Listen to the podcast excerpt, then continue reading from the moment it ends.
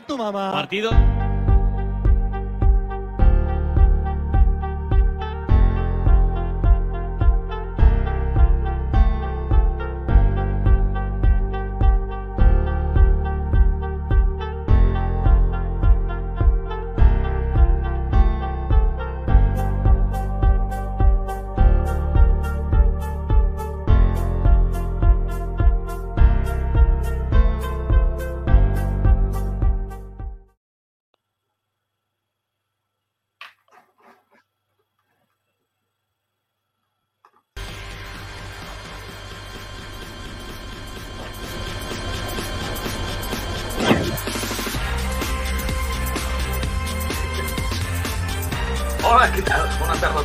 Totes. Què tal? Com esteu? Benvinguts al Tribuna Marca, en directe a Radio Marca, la ràdio dels esports. Mira, apareix el Joan Prats. Què tal, com esteu? Molt bona tarda. Benvinguts al Bona Tribuna. tarda.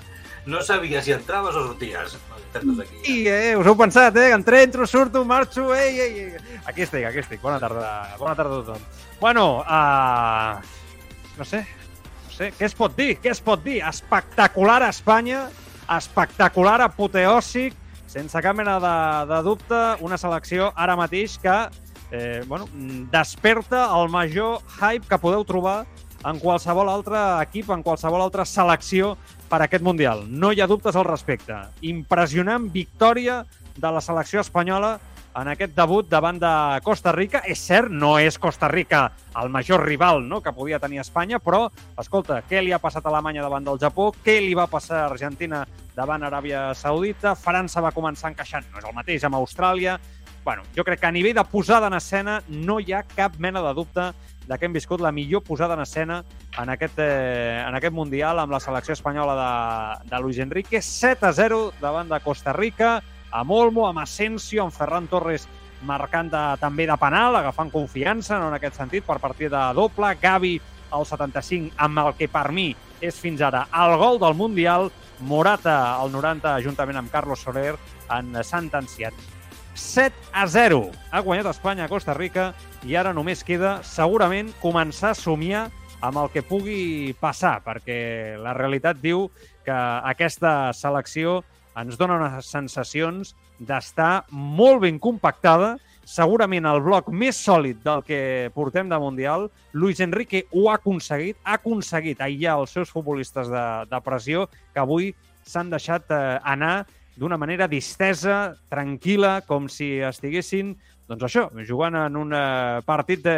Jo diria entre amics. A mi m'ha donat la, la sensació que jugaven una connexió. No, no veia un, un Espanya així des de l'Eurocopa del 2012. Un bloc per sobre de qualsevol individualitat, solidària, amb una grandíssima pressió, una gran posada en escena, com us dic, en l'inici de, de partit, i sobretot practicant un futbol preciós i sobretot identificatiu amb el futbol de possessió, que és la gràcia, no? precisament, de tot, eh, de tot plegat. Ho anem a comentar tot, pendents de la roda de premsa des d'allà fins a les 7.54 minuts en directe aquí a Ràdio Marca. Ja sabeu que és el nou horari del Tribuna de Mundial. 7.54 minuts, pendents d'escoltar el seleccionador. Heu escoltat ja el Marc Truco, eh, que es dona per saludat, no és eh, faltaria, perquè comença Hola, avui. Eh, Truco. I el Carlito Rojas, que està per aquí, que, bueno, atenció al Carlos, perquè ens ha deixat el xat de, el xat del, pro- del programa, de, de l'empresa, de la productora, no sé, dels treballadors, de tots els que fem aquest programa i companyia, ens ha deixat titulars importants allà, eh? Jo anava... Estava en una retransmissió no, durant el partit i anava de reull eh, veient el que posava el Carlos. Carlos, què tal? Bona tarda. Carlos Rojas. ¿Qué tal? Buena tarde. Espanya guanyarà el Mundial, has arribat a dir, eh? L'eufòria ja veieu que estan pel, està pels núvols ara mateix. Bueno, yo, yo- yo siempre he sido muy optimista ¿eh? antes de, de- de- de este partido con, con España. La verdad es que veía que el equipo, como equipo, decía que, que poco sabía mejor que. España. A nivel de individualidades, es verdad que le estaba un poco por detrás. Hoy la verdad es que ha sido un festival. No nos engañemos. Para mí Costa Rica, incluso peor que Qatar ahora mismo en el Mundial. O sea, yo creo que de largo el peor equipo que he visto este Mundial.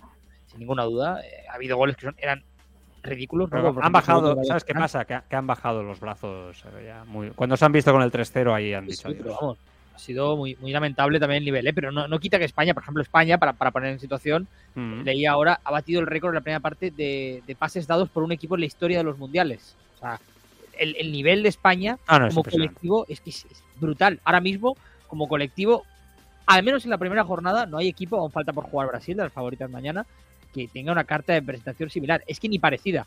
la gente lo comparaba con lo de Inglaterra. Inglaterra hizo una buena primera parte. Mm. Este nivel de excelencia futbolística estuvo bastante lejos. Al final fue más abultado que lo de hoy. Sí, sí.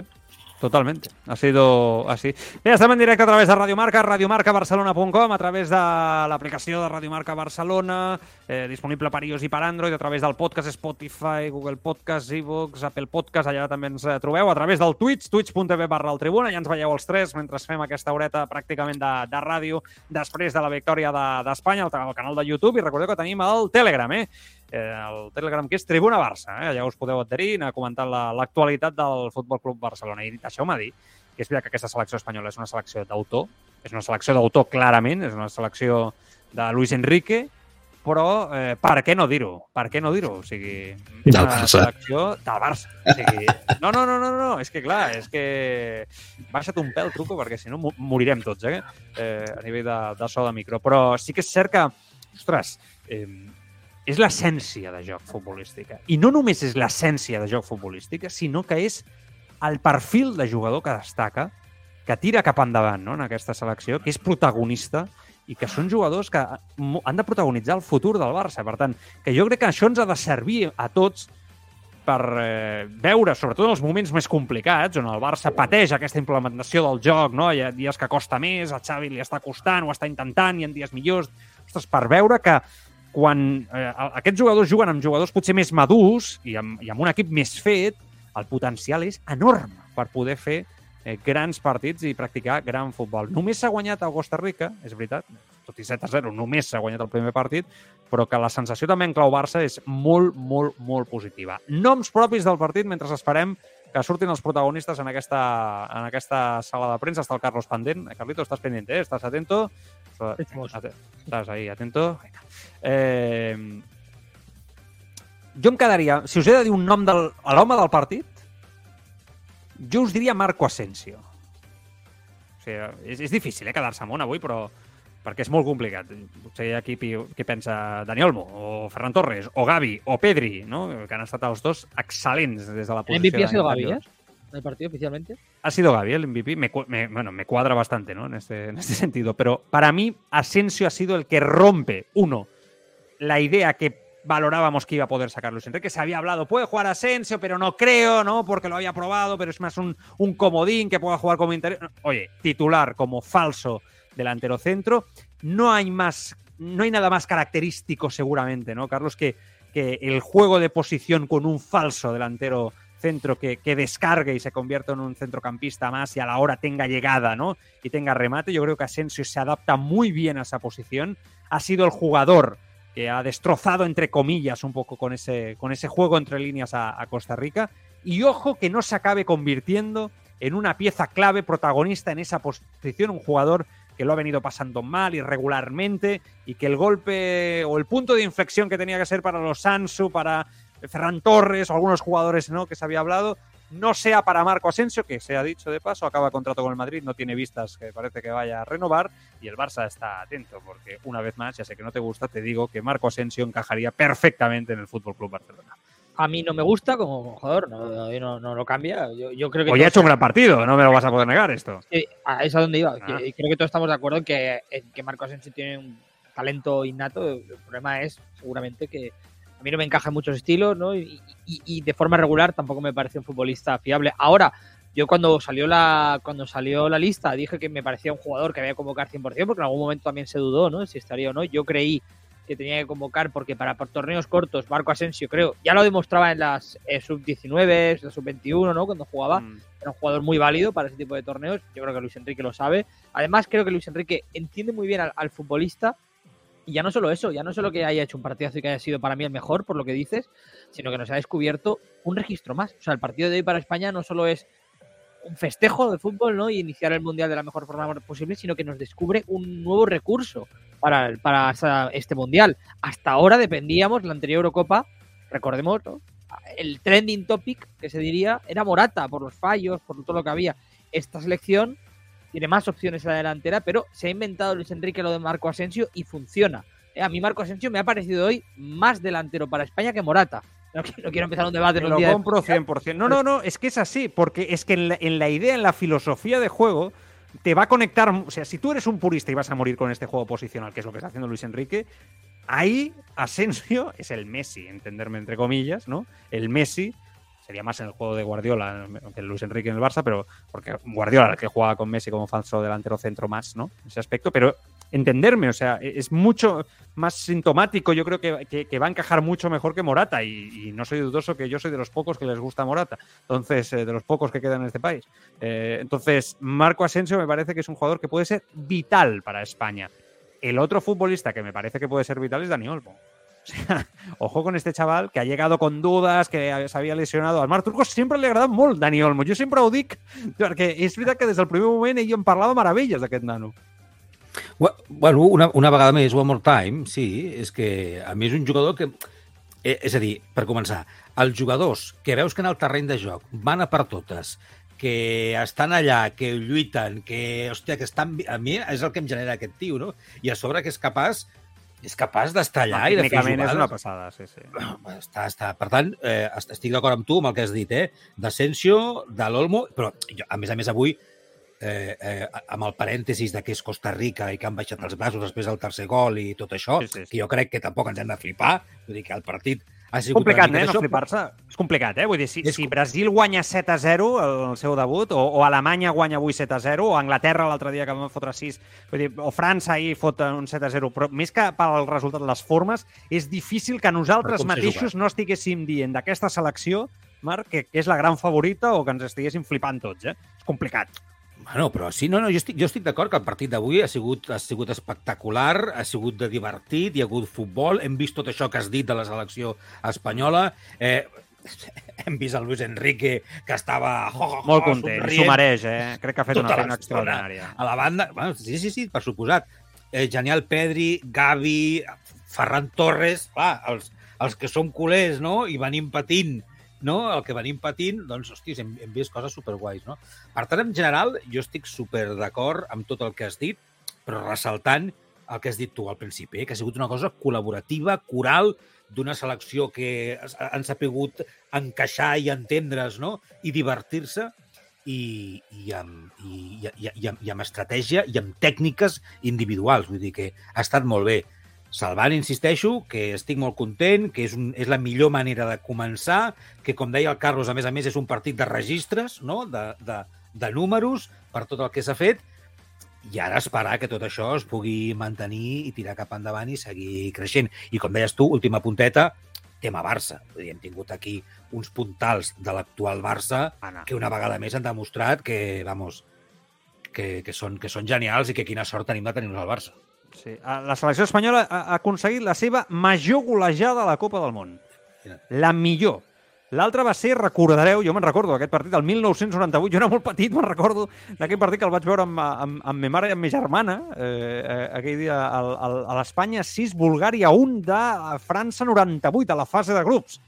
Eh, era la, aquella Bulgària de Stoikov, de l'Uo Penev, eh, vull dir, pues, aquesta d'avui supera aquella golejada de 6 a 1, 7 a 0, la major golejada de la història d'Espanya en una Copa del Món, en un Mundial.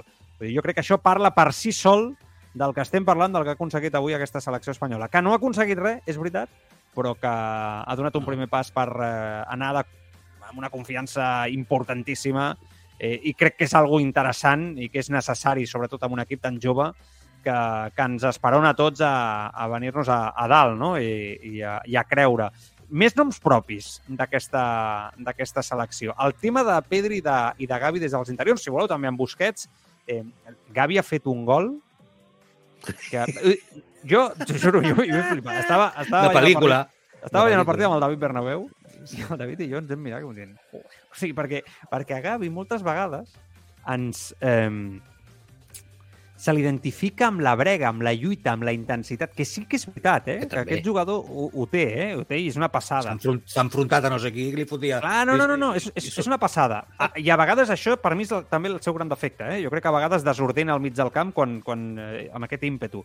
Però és un futbolista que moltes vegades eh, hem oblidat que, que tècnicament és prodigiós i que és un jugador que a poc a poc que vagi passant el temps anirà guanyant en control de l'espai-temps, anirà guanyant en, en controlar i entendre quan és millor que se'n vagi amb aquesta intensitat cap a dalt, quan no fer-ho, quan desordenar, quan no fer-ho, quan donar-li paus amb la pilota als peus, el joc associatiu, i avui, o sigui, Pedri ha fet un partidàs, per suposat. Però Gavi, a mi ha estat, per mi ha estat a l'altura, sense cap mena dubte, o millor fins i tot, amb la pilota als peus. Que superar Pedri amb la pilota als peus és difícil. I això em fa pensar que aquesta intensitat, eh, ostres, és, és un fet que ha, ha in- ha incorporat Gavi eh, en, en el futbol professional, perquè qui l'havia vist en les categories inferiors, Gavi era un interior típic del Barça, no? en aquest sentit, amb arribada, etc. però no tenia aquest físic. No tenia... Bueno, no, bueno, el físic és que segueix sense tenir-lo al nivell de... Enteneu-me, no? O sigui, sí, clar, és que no, no tenia aquesta intensitat, aquesta brega, aquesta lluita, però ell per quedar-se a l'elit ha hagut d'incorporar aquest punt i això ens ha fet oblidar a vegades que, que tècnicament és un jugador brillant. Carlos, eh, ojo Gavi, eh, con el balón en los pies. O sea, dejemos todo lo que ya sabemos de Gavi. O sea, ojo Gavi con el balón en los pies llevando la batuta de un equipo de élite mundial. 18 años, ¿eh? Fíjate, yo, yo veía a España hoy, yo ha habido un momento que lo estaba pensando y, y digo, esta España vuelve a ser de los interiores, ¿eh? porque creo que no hay ninguna duda, ¿no? Pedri, Gavi, ¿no? Totalmente. Y ahora que hablabas tú del Barça, ¿no? porque evidentemente hay una relación con el Barça en cuanto a Sí, sí, sí, jugadores, dices, ostras, Xavi ahora mismo está construyendo un Barça, un Barça en torno a los extremos. ¿Por Se qué no repite volver la historia. No, pero quiero decir que, que, que yo creo que le puede servir a Xavi incluso como referencia. ¿no? Xavi está, está insistiendo mucho en el Barça de los extremos, ¿no? Hablamos aquí cada día de los extremos.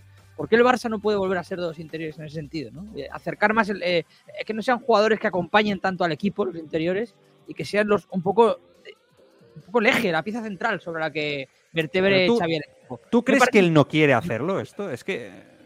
Yo creo que sí, pero se hace. Pero, o sea, yo no digo que los interiores sean importantes para Xavi. Vamos a ver, Xavi ha sido el interior más importante de la historia del fútbol. Digo que los No, no, interiores ya, ya, ya. ahora mismo Entiendo no perfectamente. en prioridad. ¿no? Entonces, yo lo veo y digo, ostras, lo tiene ahí yo Xavi, ¿no?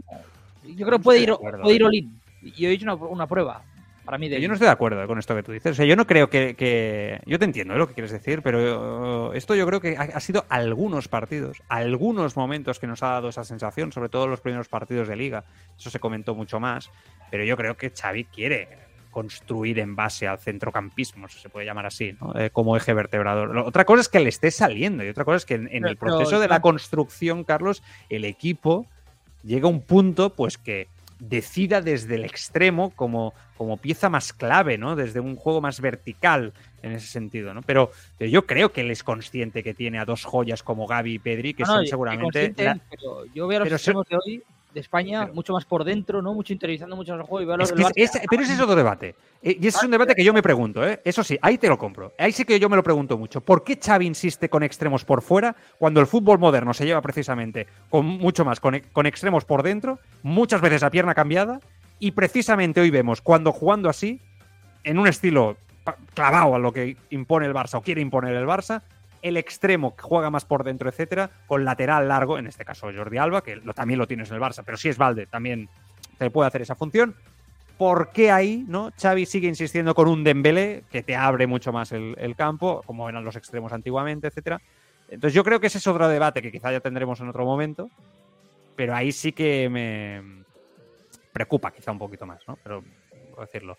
Eh, estoy yo, yo tengo aquí a los protagonistas, pero claro, están saliendo para televisiones con, con derechos, a ver si a ver si, si podemos poner cuando salga Luis Enrique, ¿no? Y lo podemos escuchar en la en rueda de prensa.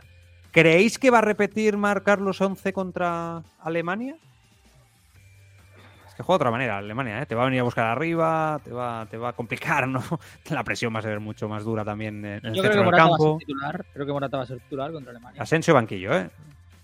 Yo creo que Morata va a ser titular y, y- No y lo de puedes hecho, eh, no, no, no, no, no, no digo que deba, eh, digo que creo que, que vaya. O sea, yo evidentemente después de lo de hoy habría que reposar un poco el partido, pero seguramente el 11, que vamos, la mayoría, ¿no? El 99%, 95% se ha ganado repetir, ¿no? Aunque también te digo una cosa, Valde, por ejemplo, la segunda parte se ha salido, ¿no? Y una- Mira, te voy a decir más. Claro, Vale, la segunda claro. parte ha demostrado que sigue estando por encima de Jordi Alba. Totalmente. Pero claro, Jordi Alba ha hecho un buen partido también, primero. Lo que pasa es que yo creo que por jerarquía, ¿no? Y más contra Alemania, aún pesará más Jordi Alba. Pero de los cambios así principales, sí que me imagino. Me imagino a.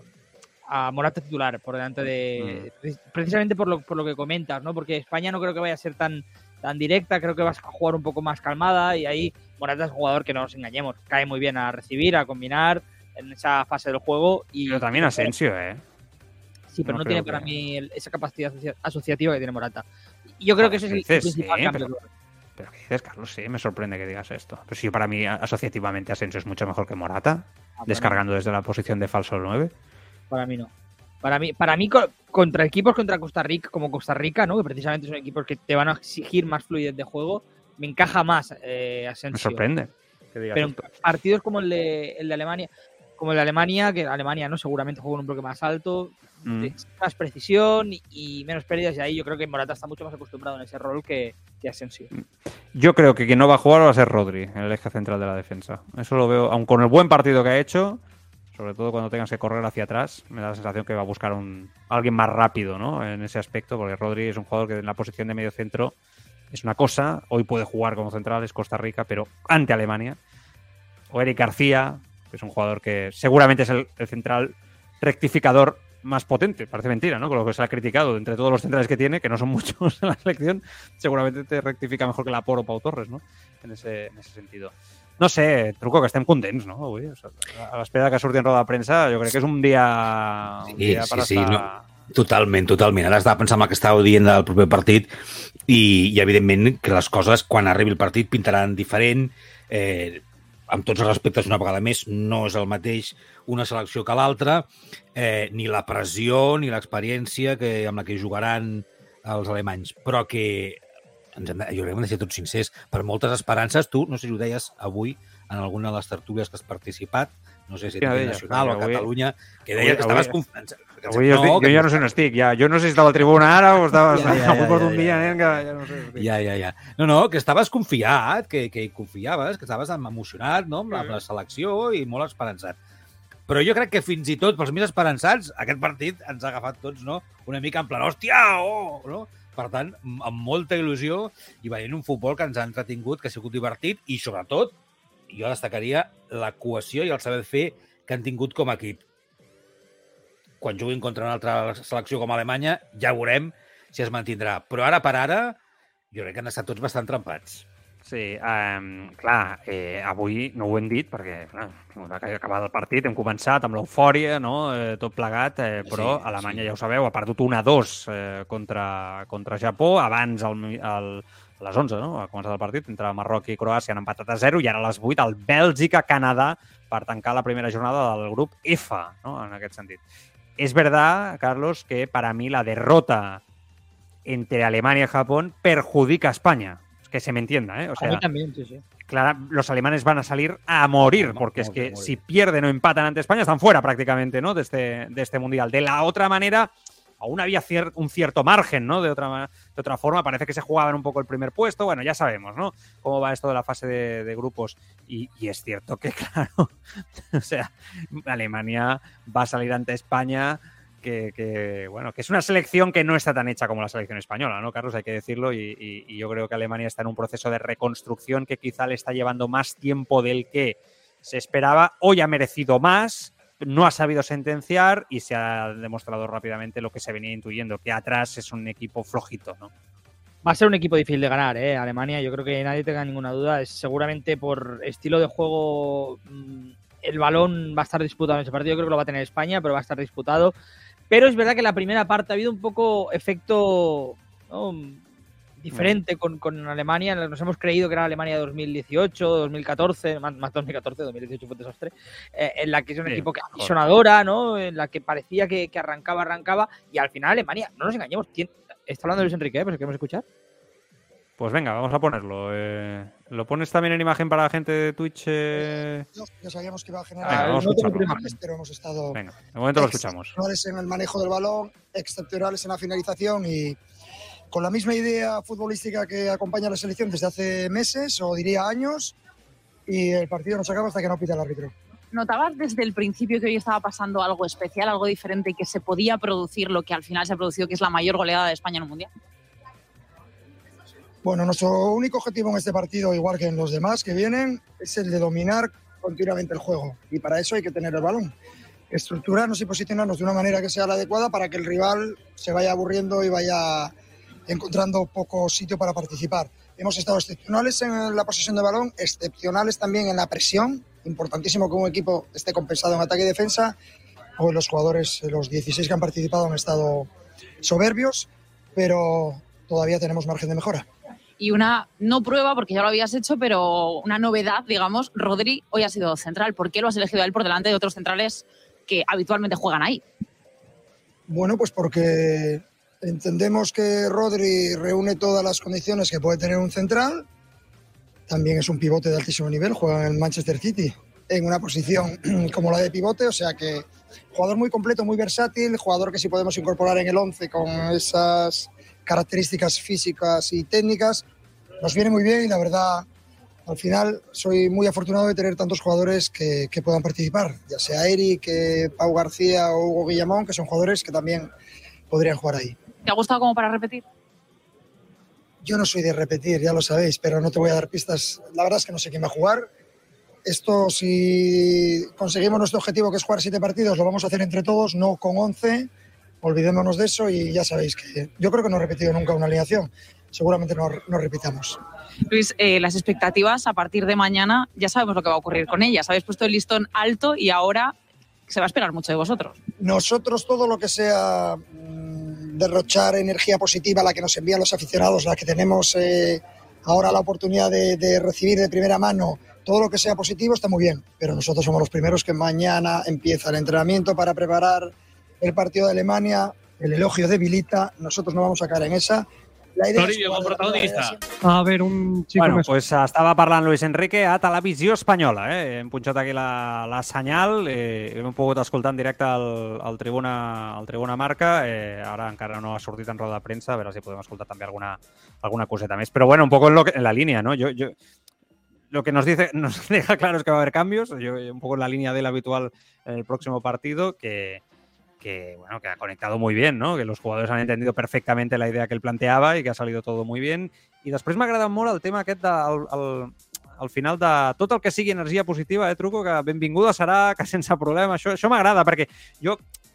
A mi crec que Luis Enrique, el gran canvi respecte a Luis Enrique del Barça és que ha millorat molt en el- en en l'enteniment de vegades, no sé si dir l'intel·ligència emocional o en el, o en el tracte a vegades de les situacions que, que rodegen els equips en el món del futbol. És veritat que un club és una cosa, més amb el Barça, i una altra cosa és la selecció, però els dos tenen una pressió mediàtica i un cir mediàtic al seu voltant enorme, no?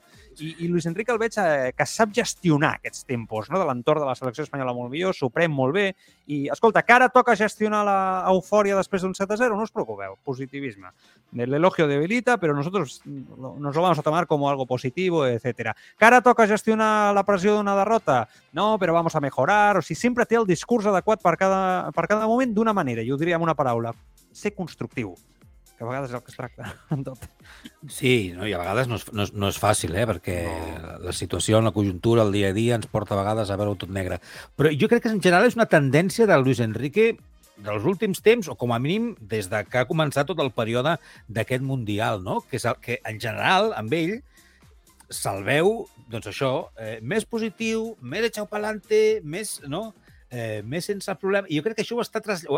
està bé perquè no només ens està donant de què parlar, no? sinó que, a més a més, ho està traslladant als seus, als seus jugadors a la selecció, crec. Eh? Tota aquesta manera ell d'enfocar-se, d'entendre la feina la selecció eh, i la pressió mediàtica que hi ha i responsabilitat per fer bé la seva feina, evidentment, esportiva, crec que ho està enfocant d'una manera que ho està sabent traslladar també al, als jugadors i, i, aquesta, i crec que està molt bé això. Bueno, És una gran feina d'ell. Tenim a gol mundial a, a Carlos Soler. A veure si Ah. li podem agafar acabat. encara una... Mira, doncs pues no, ha acabat ja. Ha esto anava- rápido. Anava a posar a Carlos Soler amb Rossetti, però eh, a gol mundial, però, però estem esperant la roda de premsa eh, de, de Luis Enrique. Anem amb missatges, eh, Carlos, missatges de, de l'audiència. Eh, que, bueno, hi ha un fotimer, o sigui, a veure si podem llegir pràcticament tots, eh, i així tots estan representats en un dia on veig que la gent està molt contenta, eh, molt satisfeta d'aquesta d'aquesta victòria del, de, anava a dir del Barça, és el, el costum habitual d'Espanya davant de Costa Rica, va. Algunos comentarios. Eh, Marc, si quieres leer tú. eh, Co- Com quieras, vinga, començo jo. Mira, l'Andrei 6061. Esto es por la encuesta que ha hecho Joan en el chat, eh, que en directo en la radio no han escuchado, de quién ha sido el mejor partido, el jugador del partido, la gente ha ido votando. Ah, doncs Pedri en la primera part i Gavi en la segona. Sí que he vist que hi havia molts missatges d'aquests, eh? El P3 que ho té clar, Pedri, no estan parlant nosaltres, això. Doncs per aquí van les opinions. Pedri apunta també el Juanito Guapito 56, el Javier Maluenda, que ha dit, uf, s'ha tablat una miqueta amb la pregunta, amb l'enquesta, i ha posat Pedri Gavi, Gavi Pedri. Suposo primera part i segona part, eh? Els haurà anat d'aquesta manera. El José de Mataró diu Luis Padrique, MVP. Vale, Mote de, de Enrique. sí, sí. Oh, más comentarios, ¿eh, aparte. Tu, Gromi, diu, no hay ningún chiringuito que reclame a Nacho o Ramos. Bueno, pues busqueu-lo, igual sí que ho estan fent, no ho sé. Miquichip BCN diu, que nos quiten lo bailao, vamos! Com a valorant el que dèiem abans no, de, del partit i del que li queda a la selecció per endavant. El Juan José que diu, Gavi es calidad. Además tiene mucho carácter, pero sobre todo es calidad. Oh, parlant hay- mensajitos a Xavi ¿eh? en, el- en el chat. Eh, al Toni Culer diu, menuda masterclass, espero que esté tomando nota Xavi. Bueno, a veure, no ens enganyem, que jo crec que tots, no, Carlos, hem, eh, hem, hem, hem tingut una mica aquesta sensació, no?, de allò de bo que tregui aquesta selecció, que prengui bona nota Xavi, no?, si és que ho necessita. El Togromi que diu, Xavi que se ponga la chivala, la chilava, perdó, i se vuelva con sus amigos de Qatar. Hòstia, aquest, aquest, aquest ja és endastral directe. El que no pot ser és que ara Xavi, perquè Luis Enrique ho fa molt bé amb Espanya, no? i Espanya ho fa molt bé, ara Xavi sigui l'enemic, perquè volem tots que... O sigui, calma. Espanya, Espanya. Luis Enrique, un equip treballat, amb jugadors molt més fets, joventut, però amb la majoria molt més fets, i, i molt més fets, i al Barça, que va en construcció, paciència, que ve d'un pou, que l'agafa Xavi, que arriben uns jugadors, fitxatges, nanos molt joves, no? també en aquest sentit, dir, però que no és el mateix. I, i, i segurament també, i crec que no passa res per dir-ho, Luis Enrique és un entrenador més fet que Xavi. O sigui, és que, és que jo crec que no passa res per dir-ho. Dir, Lu- Luis Enrique era aquest Luis Enrique que estem veient i que tant ens agrada a la selecció espanyola fins i tot quan guanya el triplet, el triplet amb el Barça? Jo crec que no. O sigui, sense aquell trident, la gestió de grup de Luis Enrique no era tan bona com la que fa ara. S'evoluciona, els entrenadors evolucionen, milloren, etc. no? Per tant, valorem avui a Luis Enrique, valorem avui a Espanya i, i, i escolta, confiem en Xavi, no? Perquè, a més, jo crec que és un entrenador que està demostrant molta personalitat, que s'ha equivocat, nosaltres ho hem dit, jo el primer, en alguns aspectes, però que mireu els números des de que ha arribat. Mireu els números de Xavi Hernández des de que ha arribat a, al Barça. És que parlen per si sols. Que ha de millorar? Sí. Que hi haurà cosetes que per suposat, però mirem els números de Xavi. És que no hi ha equip que des de que ha arribat Xavi en aquest 2022 no hi ha millor equip en la seva lliga. Eh? Una altra cosa és Champions, on encara no estem preparats. Vale? No- la cosa encara no dona. I ell s'ha equivocat també i segurament no ha ajudat en alguna decisió. Però, ostres, no hi ha millor equip que el Barça el 2022. No, i que, i que hem de, deixar- ho hem dit moltes vegades, eh? I que hem de tenir paciència. Jo sóc el primer que a vegades li costa, eh? Perquè ja sabem que els col·legs... Venim d'un doncs, solar, eh? Venim d'un semblem- solar absolut, eh? Exacte, exacte. No, no, a més, a vegades ho hem parlat al despatx, no? En, en un altre àmbit de coses, sembla que tinguem personalitat múltiple, no? Vull dir, eh, després d'una victòria del Barça estem tots ja flipant-nos, hem guanyat la Champions, la Copa, la, tot, i després un mal partit, tot al revés. Mira que està el Luis Enrique, no? Eh, parlant. A veure, anem a posar, anem a escoltar el seleccionador. Eh, està parlant amb, a gol mundial ara, el seleccionador... A veure, espera, espera un moment. Ara, ara l'escoltem, paciència. ser eh, estrictamente eh, lo suficientemente profesionales para saber que hay que jugar el partido hasta el final y que no se regala un minuto y yo creo que también Costa Rica en la segunda parte se ha visto ya totalmente desbordada y hemos seguido presionando sin balón eh, muy bien, hemos seguido consiguiendo recuperar el balón muy rápido después de perderlo y muy contento. Gaby es el MVP, Pedri ha hecho un gran partido, los goles de Ferran, el trabajo de, de Asensio. No sé si te va a quedar alguien por no destacar. Bueno, cuando un partido es así es una maravilla ver las caras de satisfacción de todos los jugadores. Hay jugadores que todavía pueden jugar bastante mejor. La idea, ¿Como quién? Bueno, no lo voy a decir, hombre, no vamos a elogiarlos a todos, pero cosas a mejorar. Hay siempre cosas a mejorar en el fútbol. Lo importante es que la idea de lo que queremos plasmar salga independientemente de que el resultado sea mejor o peor. Pero cuando ves el dominio, nosotros tenemos que dominar el partido desde el principio contra cualquier rival. Ahora, evidentemente, dirán que era un rival débil, pero era un rival que, que ha competido muy bien en cada mundial que ha hecho. Y bueno, a partir de ahora a recuperarse, que tenemos partido en breve contra Alemania, una Alemania necesitada y nosotros tenemos que ganar el partido porque queremos pasar como primeros. Por eso te quería preguntar, ayer hablábamos del inicio y me decías, el mal comentarista, a ver si mu- muchas veces comentamos y mira, y mira el debut. Eh, después de ver lo que pasó con Alemania y después de haber visto lo que pasaba con Argentina, no sé si eh, has hecho especial hincapié en la importancia del partido y de empezar bien. No, he hecho todo lo contrario. Porque es un partido en el que el debut te genera tensión. Si yo aprieto el botón del estrés para activarlos, voy a conseguir que se sobreactiven. Y es al contrario. Hemos bajado la intensidad, la actividad para centrarse en lo que tenemos que hacer en el terreno de juego y que así aparezcan nuestras virtudes. Si sobreactivas en este partido del debut, mm, seguramente el resultado hubiera sido otro. Luis, felicidades. Bueno, és, que, és que jo insisteixo, eh? Estem, estem davant d'un nivell altíssim de- d'entrenador de, i, de, i en el seu cènit a nivell formatiu. Eh? Jo, jo crec que bueno, ha passat per un Barça i això et corteix molt i ara estem recollint els fruits. És que em sembla que és un gestor de grup impressionant ara mateix. Eh, eh, Carlos, o sea, pocos en el mundo gestionan. Es que lo escucho y a mí me engancha porque digo, ostras, muy bien. bueno. Es que este Luis Enrique me lo han cambiado, que diría que Además, fíjate que esta, esta respuesta final, yo creo que muchos entrenadores del mundo habrían dicho, aunque no lo hubieran hecho, sí, claro, es importante incidir en la importancia ¿no? del primer partido, te habrían dado una respuesta un poco política. Luis Enrique dice, no, al contrario, lo que hemos dicho que se relaja. Claro, bueno, pues que Yo creo él, que hace lo que, lo que no ve todo el mundo, piensa diferente y acierta además, ¿no? Pues va un paso por delante. Sí, sí, sí. Ah, eh, además, es que es una de las cosas que yo, que, que yo creo que funcionó muy bien en la Eurocopa. En el día a día de decir, entre, digo, entre ventana de partidos internacionales y ventana de partidos internacionales, ahí me, me cuesta, me chirría un poco más Luis Enrique muchas veces, Mm. pero sobre todo por las convocatorias y todos los cambios que hace, pero en torneos de un mes, ¿no?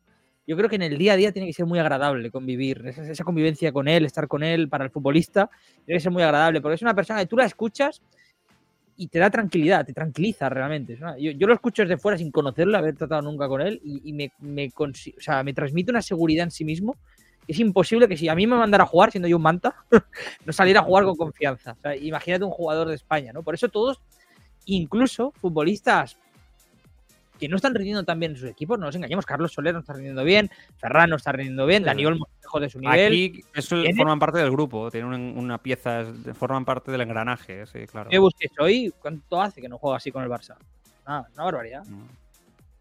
Sí, sí, bueno, es que es lo de Busquets, ya sabemos que cuanto más eh, sea el estilo esté cimentado ¿no? y asentado en un estilo de juego y en un equipo, pues él, pues, los años que parece que pesan en algunos partidos, pues no pesan tanto. Hay truco com Espanya guanya el Mundial amb Luis Enrique. Després de lo del Mundial passat, basat en l'estil de joc del Barça, amb Iniesta, Xavi com a protagonistes amb l'Eurocopa, i ara arriba a Luis Enrique, un antimadridista confés. Jo, jo crec que a més, a més d'una Madrid li agafa, li agafa algo. Li, jo No, que que coge algo. psicòleg, eh? Vull dir, Sí, no, no, no, saps què vull dir? Vull dir, si t'agrada el futbol, si t'agrada el futbol de la selecció, si tens interès en que la selecció eh, espanyola faci el com de bo en una competició, i en Vale, aquest cas en el no. Això tu- yo te compro, pero no nos engañemos. Y esto Carlos también lo quiere escuchar, pero somos todos conscientes que hay gente que quiere que pierda. O sea, gente de España, que qui- eh, gente del Real Madrid, básicamente, y quizá otros equipos también, que porque es, pues son anticulés o bueno, es la pena de un poco de cómo viven ellos el fútbol. ¿eh?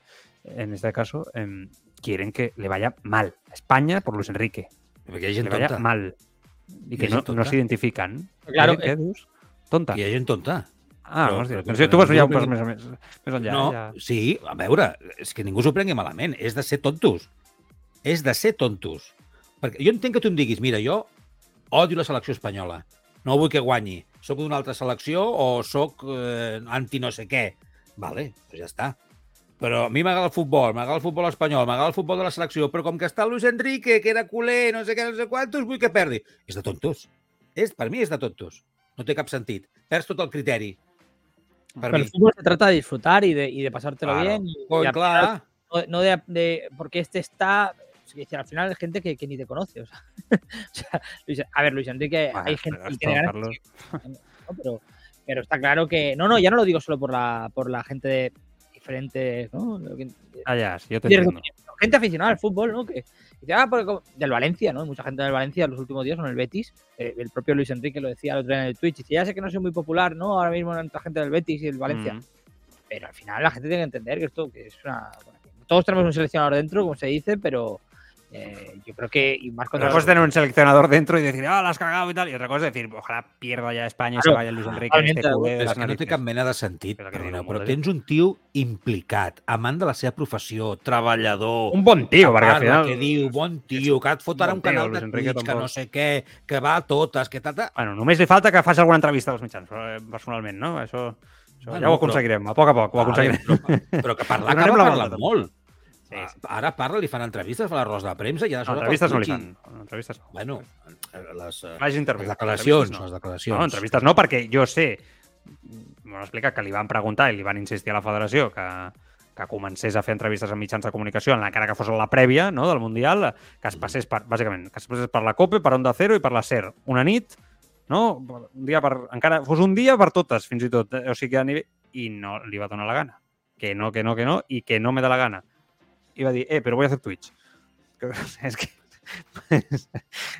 Cuando más pueda batallar, lo va a hacer, no? I vull dir que, a li falta aquest punt. Per què dic això? No per una qüestió corporativista, a mi no em farà l'entrevista, ni tampoc per una qüestió del sector, sinó perquè crec que en una entrevista, en un mitjà de comunicació, no en una roda de premsa, no en un flash interview, no, en una entrevista, en un moment calmat allà a l'estudi, o, o encara no fa falta ni que estigui a l'estudi avui dia, però en la conversa, els 20, 25, 30 minuts, allà es, pot, es poden treure declaracions, moments, respostes que no t'ho pot donar ni el Twitch, ni, no, ni t'ho pot donar una roda de premsa, ni el flash interview, i crec que l'aficionat mereix aquest registre.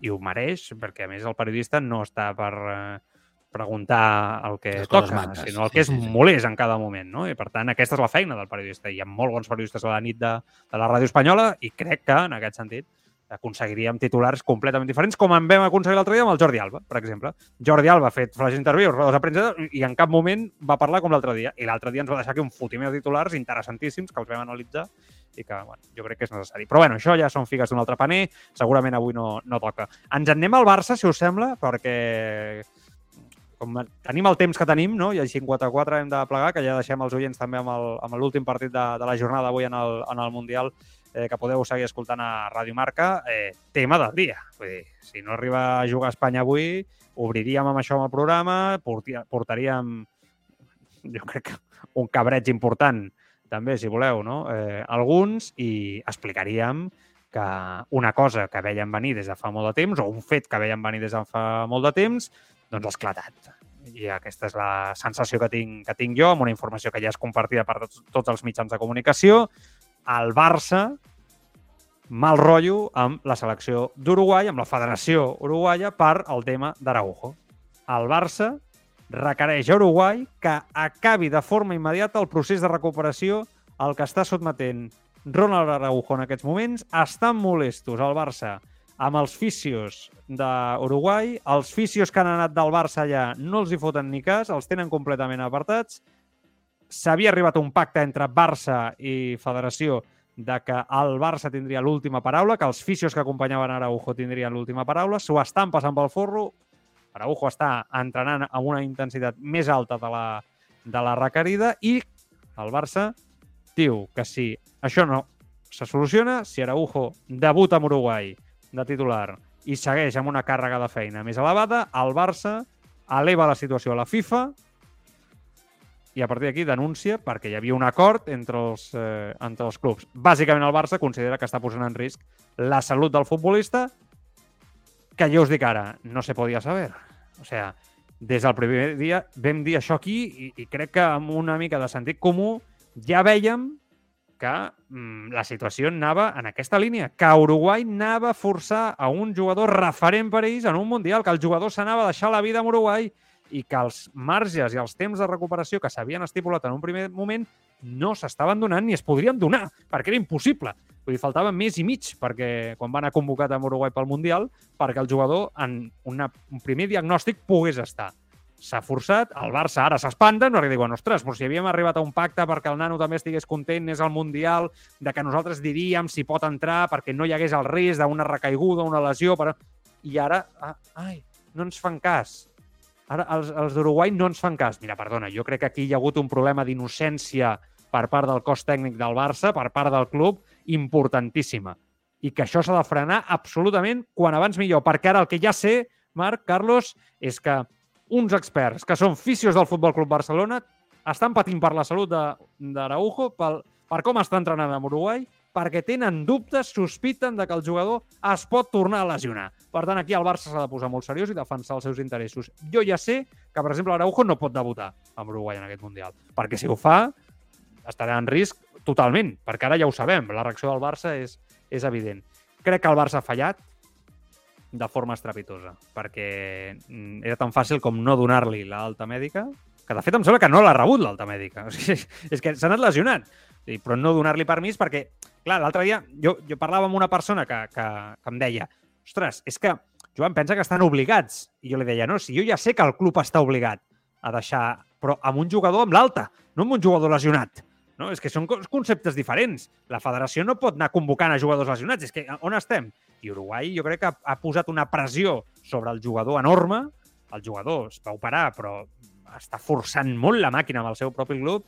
I aquí, nois, eh, em sembla que el Barça s'està posant seriós, però massa tard, massa tard. Ens han pres el pèl. És, és indignant. Yo pienso que yo pienso que era es un no se podía saber de libro ¿eh? el tema de, de Araujo porque es que era un contrasentido. Al final yo entiendo que Araujo tenga las ganas de jugar al mundial, pero hay más casos Araujo. El caso Sadio Mané, por ejemplo, ¿no? Que ha ido lesionado con Senegal, pero al final se ha dado cuenta que no podía. No sé hasta qué punto, porque ha habido mucho, cult- mucho oscurantismo en este caso con Karim Benzema, pero algo parecido, ¿no? No tenía una lesión tan grave a priori, pero, pero tampoco estaba bien. Eh, entiendo que él tenga ganas de ir a jugar, tengo ganas, que tenga ganas de formar parte del, de la concentración y verse, ver, probarse. Si Uruguay realmente considera que es mejor llevar a un Araujo tocado para ver cómo está que traer a otro central, porque vale la pena, me parece bien. Bueno, es que eso es lo que han considerado. Pero si tú llevas a los fisios del Barça, que son los que te dan permiso, les haces caso, no los traicionas ahí. Al otro en día Qatar. Lo veíamos en las imágenes del entrenamiento, que está entrenando, ¿no? Prácticamente lo pusimos, ¿no? Que estaba volando, ¿no? Realmente, yo, alucinaba. Eh, y que era, el primer partido se lo perdía, pero el segundo, a ver, ¿no? A ver, hoy es miércoles, mañana es jueves y Uruguay juega el segundo partido el lunes. No sé si es que la recuperación de Araujo depende de cuatro días. O sea, a mí me lo expliquen, porque es que un mundial eh, es un mes. Si me hablas de aquí un mes, igual llega un mes antes o tres semanas antes, lo puedo entender. Pero es que Araujo, o sea, quiero decir, Uruguay juega el partido el jueves, el lunes y otra vez el jueves o el viernes. No tiene sentido. O sea, de, de aquí a una semana, Araujo se va a recuperar de una lesión que tenía prevista. No, Recordemos, a finales de diciembre. Cualquier cosa que nos intenten colar y que veamos es un jugador como mínimo infiltrado. Y es Muy mal el Barça aquí. era el pacto totalmente. Y el Barça ha sido muy inocente. Muy inocente. Con un poquito, sumar 3 más 2, ya sabe que te están haci- intentando hacer el O sea, lío. Lo que no puede ser, eh, Truco, el que no pot ser és que nosaltres, des d'aquí, simplement amb un comentari, ja, vessi, ja veiéssim que això anava a passar. Molts dels oients del xat, ja no nosaltres, sinó els oients que eh, ens escolten no? i que segueixen la- l'actualitat del Barça, diguéssim, bueno, nos la van a colar. O sea, nos la van a colar seguro. Perquè, és que, insisteixo, es veia, es veia venir el que anava a passar, no? És que, i ara, i ara, ara exigim, exigim que Uruguai pari.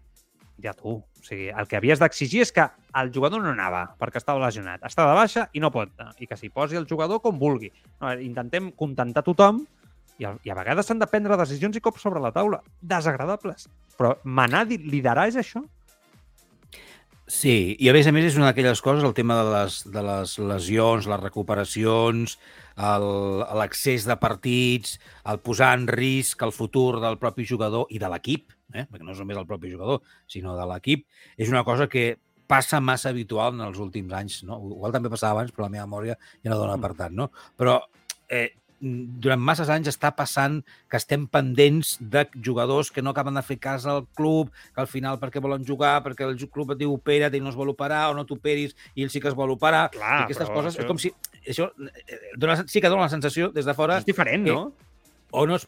Sí, no, però vull dir jo, des del meu punt de vista, ho poso tot... Clar, això és diferent perquè arriba el Mundial. I quan arriba el Mundial i arriben les convocatòries de les seleccions, ja sabem què passa amb els jugadors. No és la primera vegada que ho parlem. Quan parlem també amb els jugadors espanyols que volen jugar-ho tot, doncs, que- doncs el jugador segur, segur que el jugador vol jugar. A mi que no em diguin el contrari. El jugador vol jugar Sí. i tens ja un element intern a dins que t'està dient eh, eh, eh, deixa'm jugar, deixa'm jugar, jo vull jugar, jo vull jugar, jo vull Vale. jugar. M'opero però vull jugar, vale? però, tu, però tu li has de dir... No, és que el Barça jo, jo ho vaig dir, vull dir, si no està entrenant encara, no, no, no començarà a donar els seus primers tocs de pilota amb Uruguai i no amb el Barça, perquè els fisios del Barça són els que han d'estudiar el futbolista, els que l'han de portar, els que l'han de guiar, els ha de veure, és que no sé, no, no estic inventant res. No pot ser que, que, que les primeres impressions siguin amb la intensitat d'entrenaments de nanos que lluiten per a ser titulars amb Uruguai, que és la selecció segurament més aferrida, no? més guerrera que, que pot haver de tot el Mundial. Vull dir, és que, és que no, no té cap lògica de, de posar una persona sense ritme futbolístic a l'elit. Vinga, a lluitar, a lluitar per ser titular. No, per molt bo que sigui, que és boníssim, Araujo. I molt important pel Barça. Però a mi també, ostres, error de joventut. El nano es va operar, eh, com a mínim va fer cas al club, en aquest sentit. Podria haver estat pitjor, però no sé, a mi, a mi ja no m'agrada. això. O sigui, ja, ja són coses que a nivell de la implicació del nano ja no m'agrada, ja em grinyola. Ja sé que, no, que Araujo ha de formar part del Barça del futur, no estic dient que es prescindeixi d'ell, però sí que ha de servir perquè el nano aprengui en, en aquest sentit. I, i, I el Barça ha de saber imposar-se a, a aquesta mena de decisions. Ara, en, amb, el, amb, el, amb el liu embolic que tens aquí muntat, com surts d'aquí? Perquè Araujo està en dinàmica de selecció. Clar. Això, està- el, el, el, el jugador surts està a ja. Qatar. Això és, és, és, ja és així. Hi ha dos tios del Barça a Qatar que vés a saber si els deixen veure els entrenaments o està per allà, no? Que em sembla, jo, crec que molesten, que els deuen de tenir apartats, que han posat el crit al cel i que el Barça s'ha vist obligat a filtrar la premsa que exigeix això. O sigui, imagina't la situació fins on ha anat, on ha arribat. Això vol dir que el Barça internament ja ho ha demanat i se'ls han passat pel No, pit al sereno. Vull dir, imagina't fins on ha arribat aquesta situació. I arribem ara a un punt on han de dir això públicament per veure si reacciona. Tu creus que ara, sincerament, Araujo, en dinàmica de Mundial i d'Uruguai, aixecarà el braç i dirà, escolta, no, feu cas als fisios, si us plau, el del Barça, que... Jo, sincerament, crec que no. Què és el que hauria de fer, eh, Araujo? O sigui, ara Araujo és el que hauria de dir, no, no, Pau, Pau, tranquil·litat. O sigui, manen els fisios, mana el meu club, que era el pacte. O sigui, aquí també hi ha traïció per part de la federació en el pacte, però la traïció també per part del jugador, eh? Araujo está contra la espada y la pared, recordemos. pues, cuando Araujo Bueno, hizo pues que aquel, aquel comunicado, ¿no? Y aún no estaba, ni, estaba viviendo aquí en Barcelona, tan lejos de Uruguay y de Qatar, eh, se le vino el país encima. No lo olvidemos, ¿eh? Yo creo que Araujo está expuesto a una presión brutal. No, no, no, no es por justificarlo, Joan, lo digo porque. Se lesiona Benzema, no va. Se lesiona Claro. Gallá, se lesiona al otro. ¿Por qué con Araujo tiene que ser diferente? Quiero decir, eh, Bueno, porque, Araujo a tenía la opción conservadora que le permitía jugar el Mundial, arriesgar su carrera, pero entonces eso la gente en Uruguay no lo entiende. La gente lo que quiere es que Araujo dé la vida por la selección. Y él está un poco contra la espada y la pared. Entiendo que ahora, desde la concentración y con todo el ambiente en contra de esa decisión, Araujo no va a salir y va a decir, oye, yo no puedo jugar, lo dice el Barça. Me cuesta creer que vaya a dar ese paso, siendo sinceros. Hay un mensaje aquí del oyente de Palala 777 que digo, el ser humano es el único que tropieza dos veces con la misma piedra y después están los directivos del Barça que tropiezan 50 veces. I és que eh, i són directius diferents o de juntes directives diferents, no?, en aquest sentit. Però, bueno, és veritat que eh, potser el directiu aquí no té tanta culpa, sinó que és el tècnic, no?, el que el Barça, a nivell de gestió, el cos tècnic, Xavi, no ens enganyem. O sigui, jo estic segur que Xavi és qui parla amb el jugador i el jugador li diu i Xavi diu, bueno, vai, proceder, perquè ara, ara es porta molt la màniga ampla, no? O sigui, és el dialogar, no, no... A vegades, jo sóc partidari eh, d'això, que hem d'escoltar Luis Enrique, que segurament és un mestre en això, però a vegades, a vegades, me trucó, va dir no, perquè penses en el bé del col·lectiu. I, com dèiem abans, Araujo ha d'aprendre no, d'aquesta situació, però segurament Xavi també ha d'aprendre a l'hora de gestionar el grup, no? Perquè jo crec que aquí ens han aixecat la camisa. o sigui, el jugador, la federació. I a veure, a veure com acaba. Clar, el que passa que el que, el que, el que a mi se m'escapa és... Marxem. Eh, hosti, ja, per Sí, sí, què no, no, tranquil·la, aquestes coses no es prenen? eh, Per què no es poden fer? És a dir, jo em costa creure que els responsables del Barça, dels departaments que siguin, que tenen alguna cosa a dir amb la convocatòria d'un jugador de l'equip amb una selecció en una situació mm. com aquesta de lesió, no hi diguin la seva. Clar. Això sí que eh, vull pensar que al Barça no passen aquestes coses. No, és a dir, també. Xavi diu, el seu staff diu, els, me els metges diuen i fins i tot a la junta directiva diu. Segur, tots han de dir coses. Aleshores, amb tot això, per què acaba passant això? Per què, cap, Aquesta per què és la pregunta que deixem en l'aire i que suposo que l'actualitat respondrà. L'actualitat tornarà demà a partir de les 7 de la tarda amb aquest horari del Tribuna fins a les 7.54 durant el Mundial. Carlos, Marc, gràcies. Tornem demà al Tribuna Marca. Us deixem amb més Mundial. Bèlgica, Canadà.